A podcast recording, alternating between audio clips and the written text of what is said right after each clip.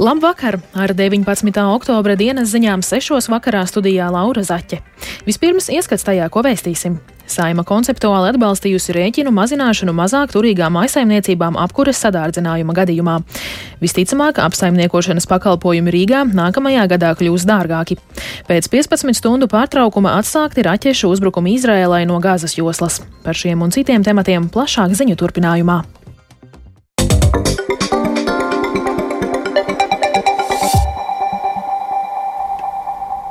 Maisaimniecībām ar zemiem vai vidēji zemiem ienākumiem apkures sezonā no 1. oktobra līdz 30. aprīlim pienāksies atbalsts, ja elektroenerģijas, dabasgāzes, siltumenerģijas un decentralizētās apkures kurināmā cenas pārsniegs noteiktu slieksni, ko vēl noteiks ministru kabinets. To paredz saimā otrajā lasījumā atbalstītais energoapgādes izmaksu atbalsta likums. Klimata un enerģētikas ministrija norādījusi, ka atbalsts attiektos uz maisaimniecībām, kuru ikmēneša izdevumi uz vienu personu par mājokli varētu varētu veidot 30% no ienākumiem. Atbalstam kvalificētos ap 40-50% maisaimniecību. Tā ir atšķirība no iepriekšējā gada, kad palīdzību sniedza visiem energoresursu lietotājiem. Tā uzsvēris Saimas tautsaimniecības komisijas deputāts apvienotā saraksta pārstāvis Andris Kulbergs. Mēs eh, iepriekš eh, pieredzējām to, ka helikoptera nauda tiek dāļāta daudziem, kam tā nebija nepieciešama. Rezultātā šis beidzot ir patiešām labs risinājums. Atbalsts tiek automatizēts. Tad šobrīd šī sistēma paredz, ka tiek apkopota informācija, teiksim, eh, dažādi datu avoti, vienopus un automatizēti tiktu piešķirta atbalsts bez pieteikšanās. Lai atbalsts stātos spēkā, likumprojekts jāskata vēl trešajā galīgajā lasījumā, taču līdz tam to nepieciešams papildināt. Tā uzsvēra, uzsvēra bijušie ministri, tagad saimas opozīcijā esošās Nacionālās apvienības deputāti Ilze Indriksone un Jānis Vitenbergs. Nav precīzi definēti nesliekšņi, pie kādiem ienākumiem mājsaimniecība saņems šo atbalstu, un vēl sliktāk ir ar to, kurā brīdī šis atbalsts sāks darboties un kad ieslēgs šo sistēmu un sāks darbināt. Ko summēs kopā, kas būs tās izmaksas, kuras ņems vērā? Kā piemēram īre, apsaimniekošana, komunālie maksājumi, apkūra atkritumi, ūdens un tā tālāk, bet netiks ņemts vērā eh, tie maksājumi, kur liela daļa mūsu sabiedrības maksā bankām. Par to, ka viņas ir iegādājušās mājokļus ar banku eh, starpniecību, gan procentu likums, viss ir augšā. Par to jau ir bijušas diskusijas šeit no tribīnas. Tas netiks ņemts vērā. Visticamāk, Rīgā nākamajā gadā sadārdzināsies apsaimniekošanas pakalpojumi, lai gan domes deputāti ir lūguši apsaimniekošanas maksu nepalielināt. Lielai daļai rīdzinieku šie pakalpojumi kļūs par vairākiem eiro dārgāki. Apsaimniekotājs to pamato ar vajadzību celt pakalpojuma kvalitāti. Vairāk stāsta Paula Dēvica. Rīgas namu pārvaldnieks jau ziņojis par pakalpojumu sadārdzināšanos no nākamā gada. Uzņēmums apsaimnieko pusi no Rīgas dzīvojamajām ēkām un sadārdzinājumu pamato ar nepieciešamību celt pakalpojuma kvalitāti un arī atalgojumu vairākām darbinieku grupām, piemēram, inženieriem, sētniekiem un namu pārziņiem. Plānots, ka apsaimniekošanas maksa pieaugs vidēji no 8 līdz 21 centam par kvadrātmetru, un tas skars aptuveni 150 tūkstoši tūkstošus klientu. Proti, 50 kvadrātmetru lielam dzīvoklim apsaimniekošanas maksa varētu pieaugt vidēji no 4 līdz 10 eiro. Šis lēmums iepriekš pārsteidza Rīgas domas deputātus, kuri lūdza RNP skaidrot cenu celšanu. Par Rīgas namu pārvaldnieka pakalpojumiem tiek saņemtas nemazums sūdzību. Šogad to skaits ir īpaši pieaudzis. Pērn laika periodā no janvāra līdz septembrim RNP saņēma 20 līdz 79 sūdzības sūdzības mēnesī, bet šogad 86 līdz 131 sūdzību mēnesī visbiežāk iedzīvotāji sūdzas par tehniskajiem un apsaimniekošanas darbiem. Uzņēmumā gan pieaugumu skaidro ar vairāk iespējām ziņot. Turklāt tieši darbu kvalitātes uzlabošanai nepieciešams paaugstināt cenas, tā skaidro uzņēmumā. Rīgas nama pārvaldniekā gan skaidro, ka situācija ir skaudra. Pakalpojuma kvalitātei sprunguļus riteņos liek darbinieku trūkums. Pašlaik uzņēmumā trūkst 143 darbinieku. Visvairāk sētnieku, arī būvstrādnieku, sanitāru tehniķu, jumiķu un citu. Rīgas domē šodien uzdeva apsaimniekošanas uzņēmumam izvērtēt, vai ir iespējams pakalpojumu maksu nepārvaldīt nepaukstināt, vai vismaz darīt to pakāpeniski. Taču finansiālā situācija esot tik nokaitēta, ka sadārdzinājums visticamāk no nākamā gada būs. Paula Dēvica, Latvijas radio. Latvijas izglītības un zinātnes darbinieku arotbiedrības un izglītības un zinātnes ministrijas pārstāvju tikšanās laikā nav rasts skaidrojums, cik precīzi notikusi mērķa dotāciju pārdale.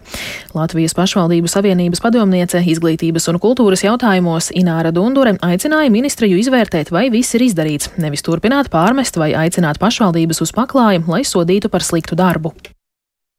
Varbūt, mēs beidzot arī uzklausītu otru pusi un nevis uzreiz ar tādiem pārmetumiem. Tomēr es aicinu izglītības zinātnes ministriju detalizēti izskatīt arotbiedrības analīzi, kur ir kādi normatīvie akti, kuri neatbilst. Mēs zinām, ka mums ir problemātika, mums ir kļūdas formulās. Izlikties un pateikt, ka viņu nav, tas nav godīgi.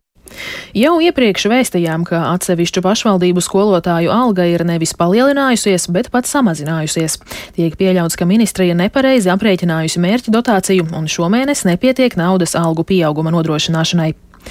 Latvijā bezdarba līmenis septembra beigās bija 6,3%, kas ir par 0,2% punktiem mazāk nekā mēnesi iepriekš un par 0,5% punktiem mazāk nekā gadu iepriekš. Tā liecina Centrālās statistikas pārvaldes dati. Septembrī Latvijā bez darba bija 60 400 iedzīvotāju darbspējas vecumā.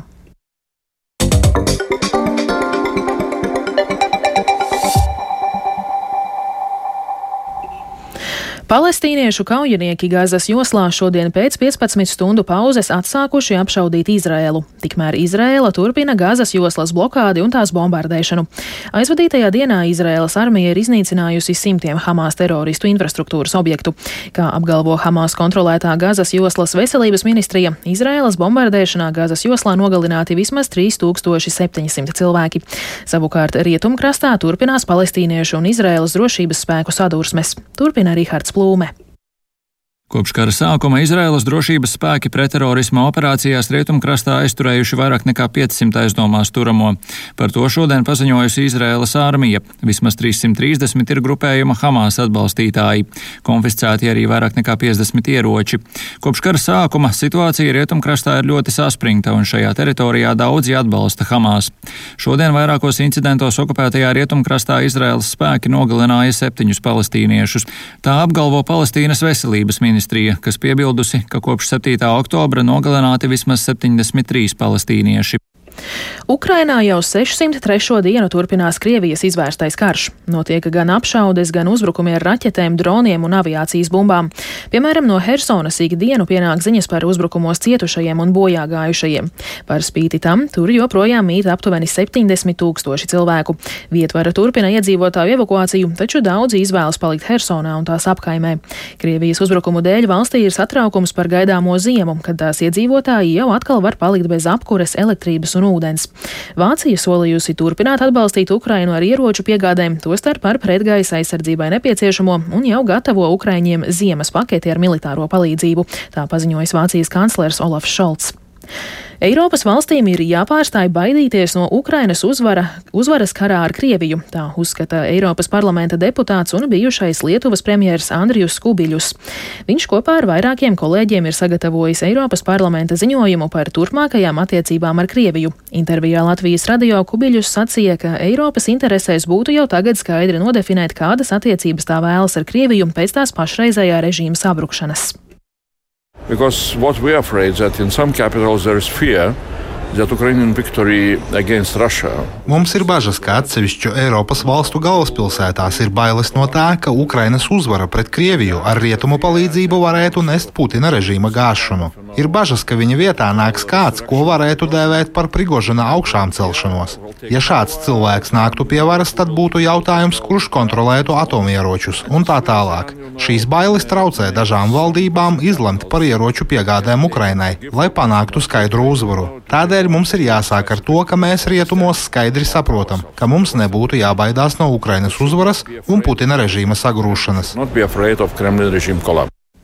Eiropas Savienībai ir jāpastiprina sankcijas pret Krieviju, tā uzskata Eiroparlamentāriete Sandra Kalniete no jaunās vienotības, paužot, ka vairums deputātu atbalsta līdzīgu nostāju. Tomēr Eiropas dalību valstīm tuvākajā laikā būs grūti panākt kopsaucēju par jauniem ierobežojumiem, jo šādi lēmumi ir jāpieņem vienbalsīgi, bet Ungārijas valdības rīcība liecina, ka tā diez vai būs gatava jaunām sankcijām pret Krieviju. Turpina Kalniete. Vakar, kad es uh, skatījos šos sižetus, kur uh, Putins Ķīnā tiekās ar Orbānu un abi sirsnīgi viens otram spiež roku, man tiešām palika šķērmi. Jā, tāpēc, ka tur ir pārkārt kaut kāda tāda robeža, jo tad, kad Ungārija stājās Eiropas Savienībā, viņi parakstījās, viņi piekrita mūsu demokrātiskajām vērtībām, un tagad viņi veido savā valstī kontrolētās uh, demokrātijas, kā to meistarīgi Putina režīma sākumā sauca, ja, tagad viņi veido tās duplikātu. Bet pašmājās ministru prezidente Evika Siliņa no jaunās vienotības šodien ieradusies Latvijas austrumu robežā, lai apskatītu robežas žoga un infrastruktūras izbūves virzību. Arī ministru kabineta deklarācijā izcelta žoga būvniecība uz robežas ar Baltkrieviju un Krieviju, kas jāpabeidz līdz nākamā gada beigām. Jau ziņots, ka reaģējot uz Baltkrievijas īstenoto hibrīdu operāciju, valsts robežsardze strādā pastiprinātā režīmā.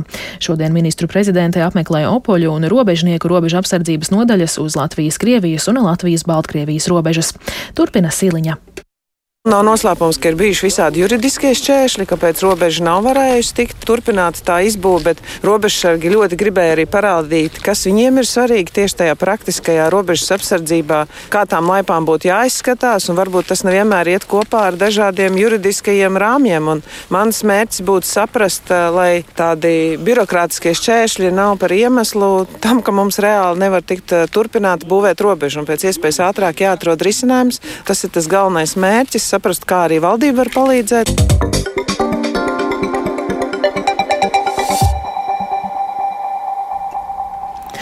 Un vēl Oktobris un novembris ir īstais laiks, lai vakcinētos pret gripu vai covid-19. Tā šodienas slimību profilakses un kontrolas centra rīkotajā pasākumā sacīja Bērnu Kliniskās universitātes slimnīcas ģimenes vakcinācijas centra vadītāja Dāce Zavacka.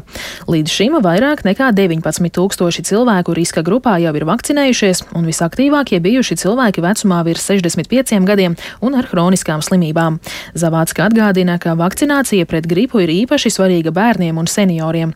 Turklāt tieši šīm vecuma grupām šogad par valsts naudu ir pieejama augstākās, augstākas iedarbības pretgripas vakcīna. Un noslēgumā par sportu. Latviešu basketbolists Artūrs Žagars ceļgala traumas dēļ nevarēs spēlēt vismaz piecus mēnešus. Tā apstiprinājusi Viļņas Vulvas komanda. Basketbolists pārāvis ceļgala iekšējo sānu saiti un prognozējums, ka viņam šī sezona jau ir beigusies. Precīzi atlapšanas laiks gan būs nosakāms tikai pēc operācijas. Plašāk par to stāsta Māris Bergs. Artur Žagars ceļgala operāciju un tai sakojošo rehabilitāciju veiks Turcijā, kur procesus uzraudzīs Stambulas Fenerbahča speciālisti.